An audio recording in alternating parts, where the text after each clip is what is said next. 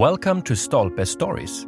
This week features yet another recorded essay on Swedish artist Anna Cassel, this time by Kurt Almqvist, who writes about the significance of Anna Cassel to the art of Hilma af Klint. Anna Cassel was a painter born in 1860 and died in 1937. Until now, she has been primarily known as a friend and supporter of fellow artist Hilma af Klint. Now, however, we know that it wasn't quite as simple as that. In the new book, Anna Cassel, The Saga of the Rose, published by Bokförlaget Stolpe, we learn that Anna Cassel was not a mere assistant or passive onlooker. In fact, she was an important co creator of some of the most famous of Hilma af Klint's paintings.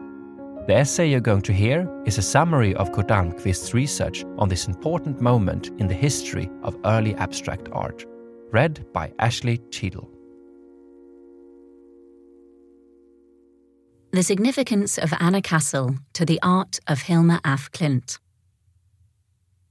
Anna Cassel, 1860 to 1937, met Hilma af Klint, 1862 to 1944, at the Arts and Crafts School, now Konstfack University of Arts, Crafts and Design, in Stockholm in the 1870s.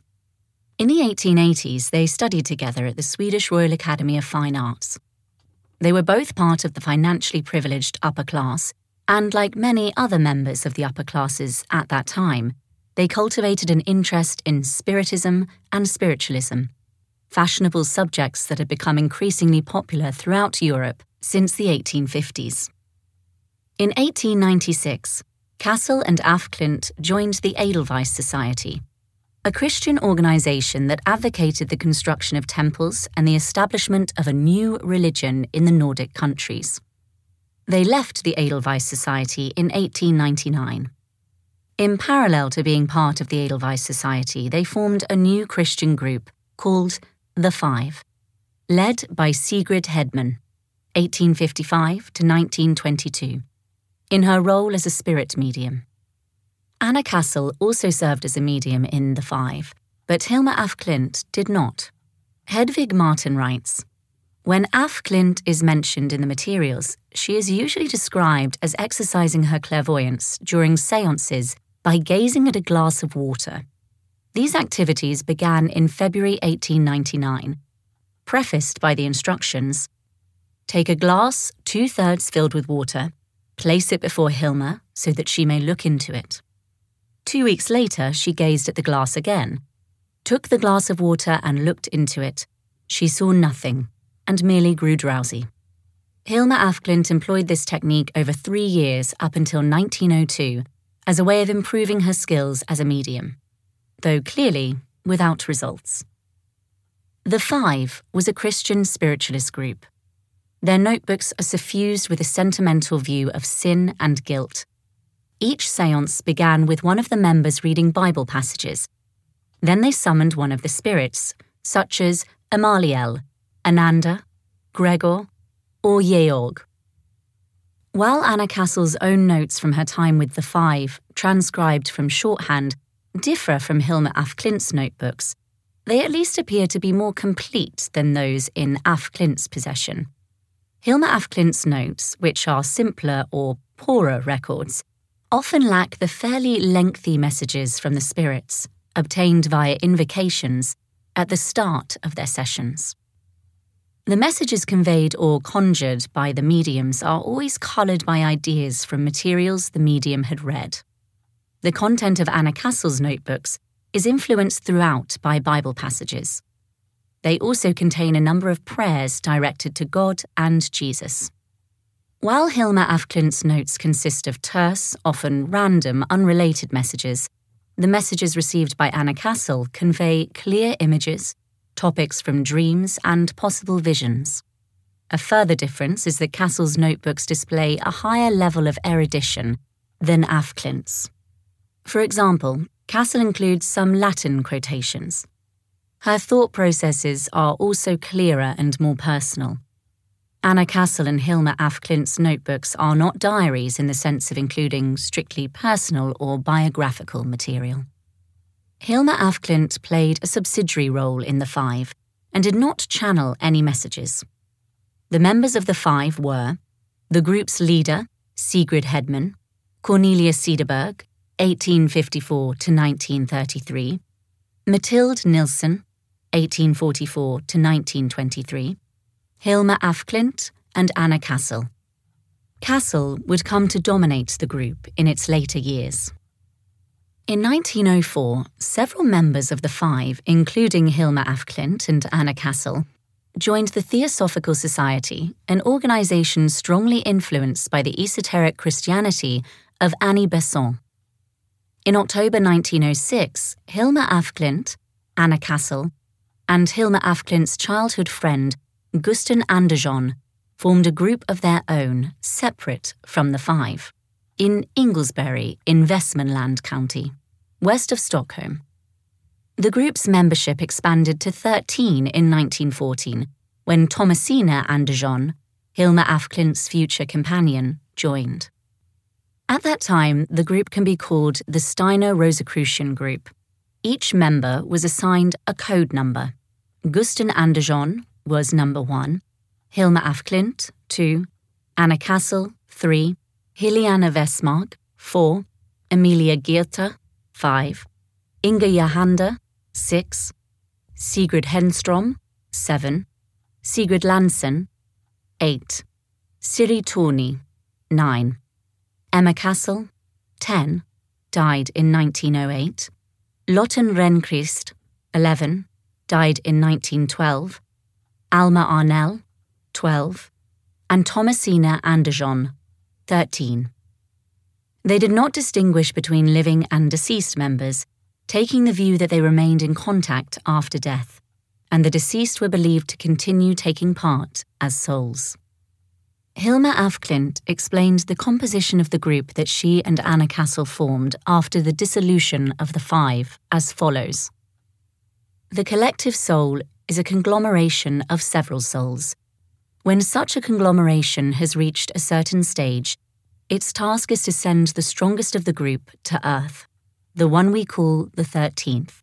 And that one is to divide itself into man, positive, and woman, negative, and carry out the work that consists of first finding its counterpart, twin soul, and then to gradually draw down, affect the rest of the group.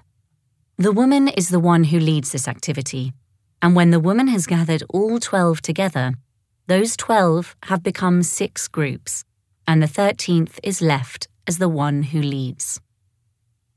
These ideas probably came from Rudolf Steiner. In a series of lectures delivered to theosophists in Stockholm between 2nd and 10th of January 1910, he mentioned a group of 13 people. Anna Vega Gunnarsson had joined the Theosophical Society in 1904, along with Hilma af Klint and Anna Cassel, and was a close associate of Steiner. In addition to serving several terms as the Swedish Anthroposophical Society's chairperson from the 1930s onwards, Gunnarsson recorded Steiner's message from his lecture.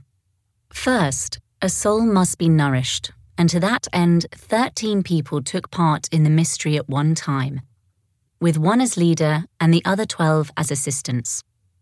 Each and every one of those 12 people had sought to optimize a particular aspect of their soul, so that they could collectively allow these aspects to unite like rays in the souls of the 13th. Thus influenced, the 13th would be inspired to reveal their visions from the intuitive world she saw the fully realized human as an image of divinity itself. Anna Cassel's circle took the view that reincarnations occurred in groups and shared a destiny that carried across many incarnations. Having a shared task and spiritual mission to fulfill, namely to join together and build a temple, a place for spiritual contact that revealed mankind's global historical predicament and direction. In short, a church, a gathering place for a new religion. The paintings for the temple, also called the Temple series, are the result of the work in and of an esoteric group whose spiritual, morally instructive work provided the instrument, the medium, with the power to draw eternal spiritual truths down to earth. In the last years of her life, when nearly all of Hilma af Klint's friends had passed away, she contacted them, including Anna Cassel, in the spirit realm so that they could gather once again in their next incarnation to continue their shared work. The Rosicrucian theosophist Rudolf Steiner was introduced to Sweden in 1907. Anna Cassel and Hilma af Klint were greatly impressed by the new Rosicrucian theosophy, which was later embraced by theosophists in the Stockholm sphere. On 31st of December, Hilma af Klint noted that she would no longer be guided by Mahatmas from India, but would instead follow the Rosicrucians. I have been sent to work for the Rosicrucians' philosophy. Ararat's brethren are a whole group of Rosicrucians who came into contact with the Five via the Holy Saturday Warrior and wanted to work with him in the future. Previously, this writer did not work through the Rosicrucians, but was under the influence of a master's apprentice from the lands of India. This note coincided with a lengthy article in the December 1907 issue of Theosophisk Tidskrift, a theosophist periodical, about Steiner's Rosicrucian theosophy, which he had launched in Germany the previous year.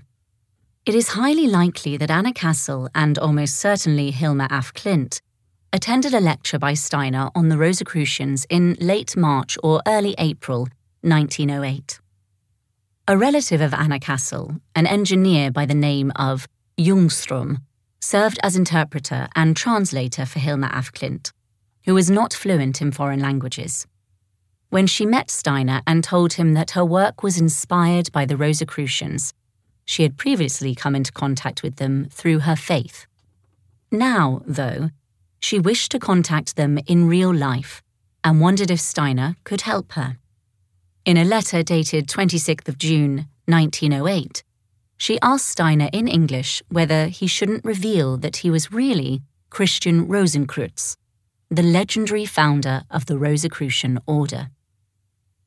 Is it not the time now to receive a declaration of you as Rosenkreutz? Paying great respect to you, your affectionate Hilma af Klint. Starting in Inglesbury on 11th of October 1906, Cassel and af Klint created 120 sketches for the collection that Åke Fant would later call the Paintings for the Temple. Hedvig Martin has claimed that Anna Cassel completed at least 14 of the first paintings, and almost certainly more, because Hilma af Klint later wrote the following. With yet another year over, if we can be faithful to our mission, we have reached the other gate with Ahriman's help. In other words, we have learnt to understand what lay behind the Luciferian forces, both A, Anna, and H, Hilma, completed the large series in the spring of 1915. An anthroposophical lens, including the terms Luciferian and Ahrimanic, is central to understanding the work, and it is clear that Anna Cassel had a hand in working on the Temple series. Steiner's Rosicrucian theosophy gradually replaced the group's Indian theosophy. But it is worth noting that theosophy, especially based on Annie Besant's esoteric Christianity, was spreading across Sweden and the other Nordic countries when Anna Cassel and Hilma af Klint became members of the Swedish Theosophical Society. That explains why the Five's notebooks from 1904 to 1907 were packed with references to Christ, even before they encountered Steiner's Christian theosophy in 1907. Later on, Hilma af Klint maintained that the entire series of paintings had been inspired by Steiner, though that is not particularly plausible.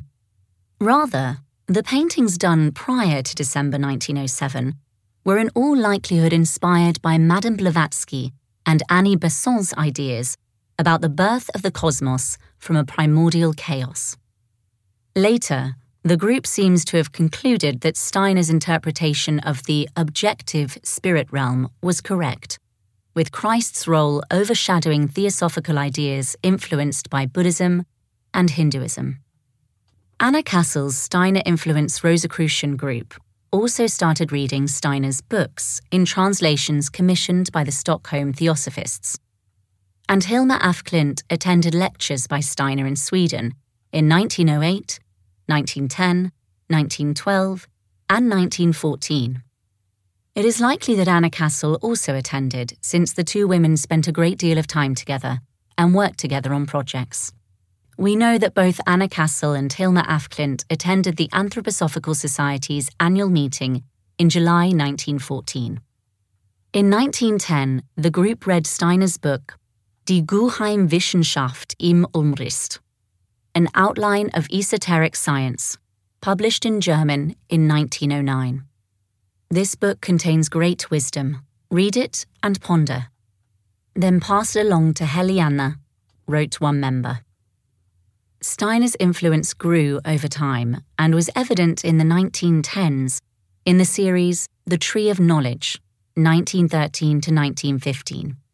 In one note, Hilma af Klint indicates that the series focuses on the Geist selbst, Steiner's term for the Holy Spirit. Angel's ellipse equals Geist selbst, spirit self, woman and man in ellipses, kneeling before and supporting the child, innocence. A later note states US series based on Entry to the Garden of Eden. See Lucifer's Brethren, page 9. Hilma af Klint had some early books by Steiner in her library, including De Theosophie des Rosenkreuzes, Rosicrucian Wisdom, Yule, Christmas, and Theosophy, Theosophy. The latter two books were translated into Swedish in 1910 by Gustav Kinnel, who would go on to become the Secretary General of the Theosophical Society. We also know that Hilma af Klint read extracts from Steiner's lecture, Lucifer's Barn, and Christi Bruder, The Children of Lucifer and the Brothers of Christ allowed for the group between 13th of September and 3rd of December 1913. Contrary to claims that have been made in the literature about Hilma af Klint, the new group's work did not cease between 1908 and 1912. Rather, they carried on indefatigably with their spiritual character building, the group's core purpose, and painting until 1920. After she made her first visit to Dornach in the autumn of 1920, Hilma af Klint began signing her works. Anna Cassel, Gusten Andersson, and Hilma af Klint all joined the Anthroposophical Society in 1920 and remained lifelong members. Anna Cassel's central role in the creation of what we know as Hilma af Klint's oeuvre has been neglected in the wake of Fortroligt e December, 1967. Confidential in December 1967. An unpublished account by af Klint's nephew, Eric af Klint, which constituted the only known written account of Hilma af Klint's life and works. Eric af Klint was the sole heir to his aunt's body of work and the sole founder of the Hilma af Klint Foundation in 1972. At that time, he was unaware of the contents of af Klint's notebooks in which she clearly emphasised the collaborative nature of the work. On the 3rd of March 1944, as Hilma af Klint pondered the future of her works after her death, she mentioned Anna Cassel's role in their creation. Create and preserve the work which Amaliel and Ananda were urged to complete via you and A, Anna, Cassel. Between 1927 and 1934, and later in 1943, Hilma af Klint made some annotations in the notebooks created by the Steiner Rosicrucian group, which existed contemporaneously with the five from 1906. She happily credited the 13 people who contributed spiritually or physically to the paintings for the temple.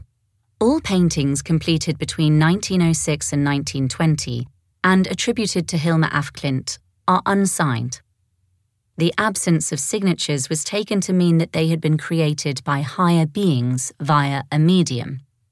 In fact, they lack signatures because they had not one, but 13 joint creators, who apparently sketched, painted, and channeled spiritual forces and messages.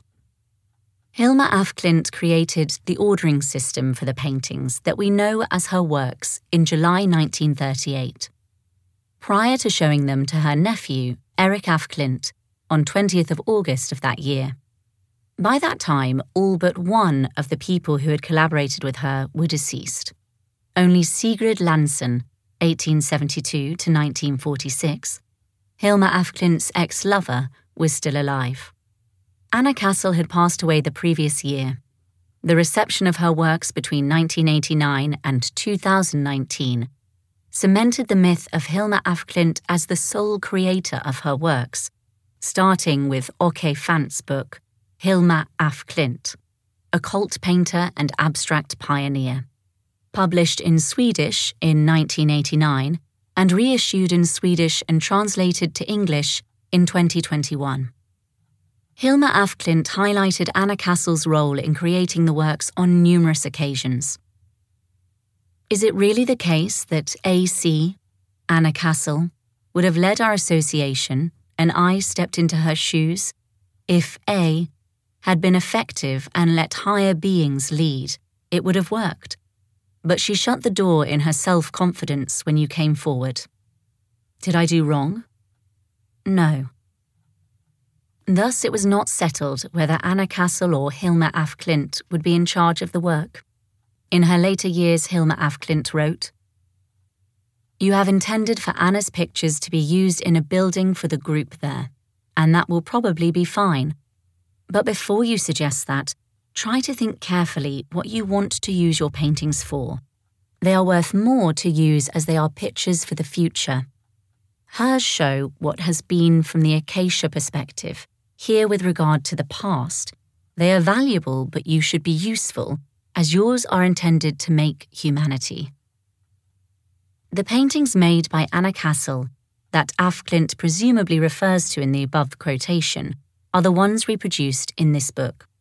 They were probably donated to the Swedish Anthroposophical Society sometime before or after Anna Cassel's death. They were not mentioned in her will and are not recorded in her estate. It is likely they were donated to the Society by Anna herself or by her sister, Ida Ehrman, 1868 to 1967, who was also a committed anthroposophist. A notebook from 1932 contains Hilma af Klint's analyses of topics such as the previous incarnations of Anna Cassel and her friend, Gusten Andersson. Hilma af Klint, Catalogue Raisonné, Volume 6, Late Watercolours, 1922 to 1941, includes paintings of Anna Cassel's previous incarnations.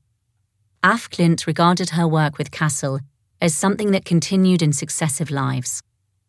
In 1943, she told Cassel, who was already in the spirit realm, the following with regard to their joint work I am still in my physical body and hope to get your and my work into some sort of order before I must leave this earth. Many circumstances prevented this, but it is now time, and we ought to do this while I am in this world. I dearly hope it will ease your heart to know that I am your friend, and I believe we shall work together in the future. Anna Cassel's special role in the group involved creating the Saga of the Rose, which is described partly as a group prayer book partly as paintings that depict the past history of the world up to that point, while Hilma af Klint's contributions were to be prophetic, consisting of future paintings. You have received a commission from us. You have been assigned to create paintings for the prayer book, The Saga of the Rose. Hilma also wrote. First section of WU is called The Saga of the Rose. That indicates that these paintings might have been done by or in collaboration with Anna Cassel, whose task was to create the Saga of the Rose. The Saga of the Rose has been given to you, A, Anna, to interpret. The two of us, G, Gusten Andersson, and H, Hilma, have taken on the task of first attempting to interpret A and O then the two OO, finally O and A, but A, Anna, you have been assigned to investigate the notion that lies in the letter A. In a way, that letter contains the entire summary of our joint work. Anna Cassel and Hilma af Klint were convinced that they were in contact with the Space Chronicle, the same work theosophists and anthroposophists prefer to call the Akasha Chronicle, said to contain mankind's collective memory as well as future events. Anna Cassel's task was to interpret the past, designated as A in Hilma's notes, while Hilma would do O, the future, Alpha and Omega, the beginning and the end. Julia Voss has emphasized that the paintings were a joint effort, including those after the Temple series from 1915. The collective's work at Munsö was to start with an eight year period of research, when they would study the plant kingdom, animals, and minerals. According to the promise, this work would help to strengthen their cohesion. As Hilma af Klint put it, shared work premises. After that point, our work is not separate from one another's. The series of paintings referring to the temple can be seen as sketches or drawings for a temple, or intended to be located in the temple, as Af Klint herself put it. There is also mention of an inner temple structure in the notebooks, as well as an astral temple that exists in the spirit realm. The temple building also includes a sort of cosmic alchemical process of transcending the dual through the merging of two souls into one, twin souls, which coincides with cosmic transformation and spiritualization, and a concrete temple structure as a building in the sensory world. Finally, we encounter the notion of temple as a term for emergence of a new church a new temple, a place for the faithful or those interested in the mysteries to congregate. Overt meanings and subtexts often bleed into one another in Hilma af Klint and Anna Cassel's materials. The planned temple was also an inner temple, created by moulding people's character in line with Christian virtues. Internal work on the temple was just as important and meaningful as work on its exterior. Anna Cassel's notebooks make it clear that she was also tasked with spiritually and mentally purifying the group's gatherings through intense prayer. Descriptions of the work in Anna Cassel's books include details of the group's meetings that are not present in Hilma af Klint's notebooks. For example, Hilma scrubbed one member's, Heliana Vestermark, feet before a seance during which that member was to record the minutes. On 18th of January 1914, Hilma af Klint wrote, The Guru has a message for you, A. Anna. Your path is nearly ready for you. Your power will soon grow, and you will become a sturdy pillar like few others. You have been called as one, and I as the other, to erect the entry arch. That can be understood as meaning the duties will be borne jointly by Hilma af Klint and Anna Cassel. The paintings done by Anna Cassel between 1913 and 1915 were part of the group's shared work. She had a distinct task, and her paintings were to be part of the temple. Gusten Andersson, who often serves as a muse in the notebooks, was also the link connecting af Klint and Cassel. Hilma af Klint told Anna Cassel. The two of us will work out a full series. Our efforts will complement each other. Your work will go in parallel to mine. But for that, there may be a communicative force between us. May you, G, Gusten, somehow be the one who has access to the working methods of both the one and the other. You must not, however, reveal what you see either of us doing even while you act as support and comfort to us. Thus, you shall have access to both studios. Thus far, writers have relied on Hilma af Klint's statement that Anna Cassel never finished the Saga of the Rose. There is very little evidence that that statement is true, though. More than 60 of Anna Cassel's notebooks in the Swedish Anthroposophical Society's archive and the paintings reproduced in this book indicate otherwise. They date from a significant period in the Rosicrucian group's activities, mainly between 1913 and 1915, usually designated as the second part of the paintings for the temple. One not too far fetched theory has it that Anna Cassel's paintings, along with her prayers, actually constitutes the Saga of the Rose. A number of symbols in the paintings correspond to descriptions in the notebooks attributed to Hilma af Klint such as 7 plus 5, which symbolizes the combination of Luciferian and Ahrimanian powers among group members in Af Klint's notebooks. According to Anna Cassel's diaries, the symbols that occur in her paintings came to her in dreams and visions. On 7th of January 1912 at 10 a.m., she wrote, First, Allow yourself to have dreams and then visions and colours and numbers, letters and images. Make a careful note of everything. It is of utmost importance to be thorough in your description. You must not doubt when you listen, for we speak rapidly, and you just have to listen when we speak. Do not attempt to speculate. You can do that afterwards. Ananda. She received a number of visions in the spirit realm, in a temple she situated in Iran. It is depicted in paintings with the label Altai Traci.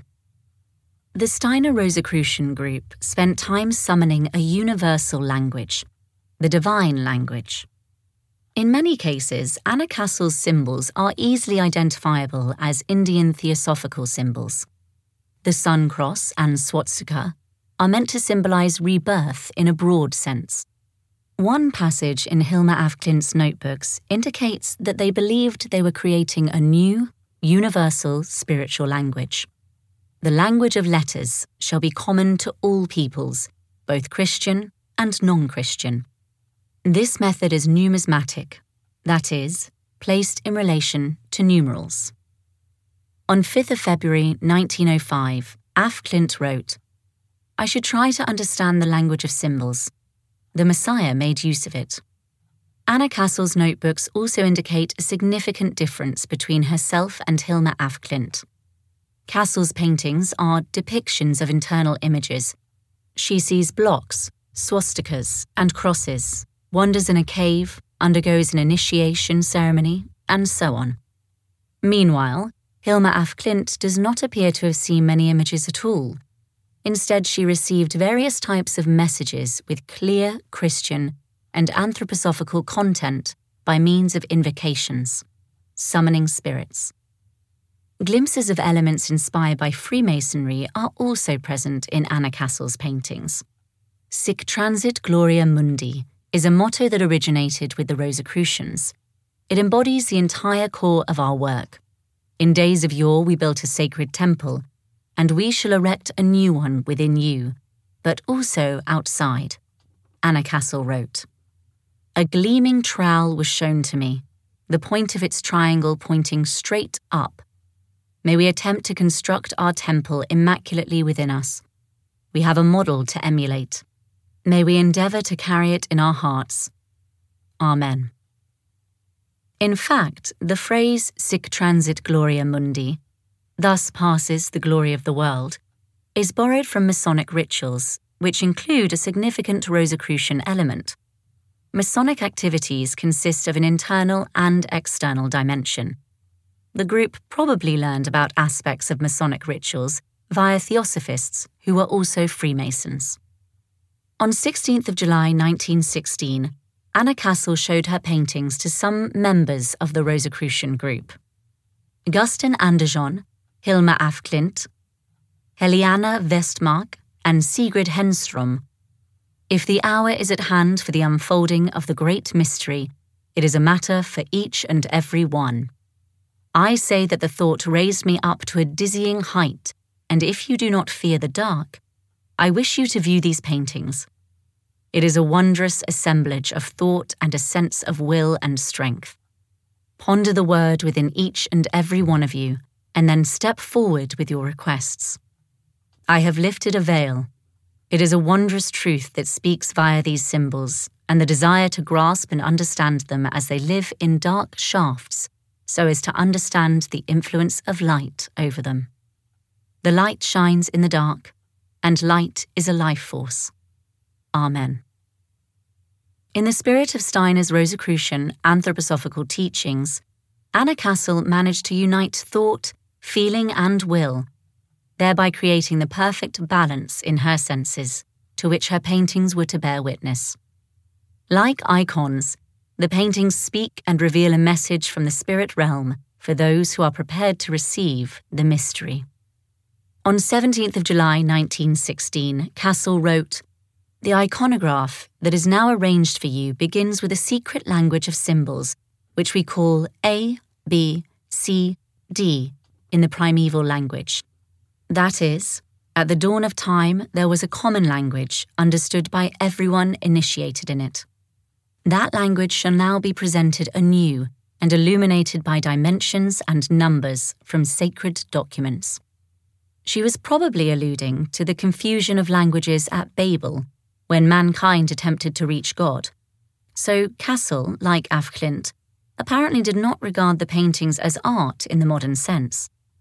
The images were meant to have an effect on viewers so that they could undergo a spiritual experience, a miracle. The miracle they were intended to evoke was a cosmic event, the revelation of the answer to where we come from, where we are, and where we are going, in the form of an insight, or gnosis, into our divine origin. If this interpretation is right, the paintings would form a bridge between the spiritual and material worlds. The paintings speak a language that is apparent to mystery initiates or spiritually initiated people. An icon is not just a painting, it is theology in visual form, a lesson or information about the divine. The Spirit's eye shall open during assiduous prayer, Anna Cassel wrote on 11th of June, 1917. According to an oft repeated anecdote, Rudolf Steiner is said to have told Hilma af Klint that it would take 50 years for her paintings to be understood. What Steiner probably meant was that more people would develop a direct spiritual sense of vision following his teachings as the 20th century went on but they did not yet possess those skills. That notion seems to have left an impression on both Anna Cassel and Hilma af Klint. Like af Klint, Cassel never presented any systematic interpretation of her paintings. Rather, they are meant to be viewed as sacred images, whose meanings can only be understood by those with sufficient mental and spiritual abilities to see the light. Research into the different members of the Steiner Rosicrucian group and their significance for what is called Hilma af Klint's oeuvre has only just begun. Anna Cassel's notebooks, numbering more than 60 and covering the period from 1896 to 1921, and other members' notebooks, and additional materials that will surely come to light in the future, will very likely force a radical reassessment of most of the scholarship on Hilma af Klint's oeuvre that we have seen thus far. Kurt Almqvist, October 2022.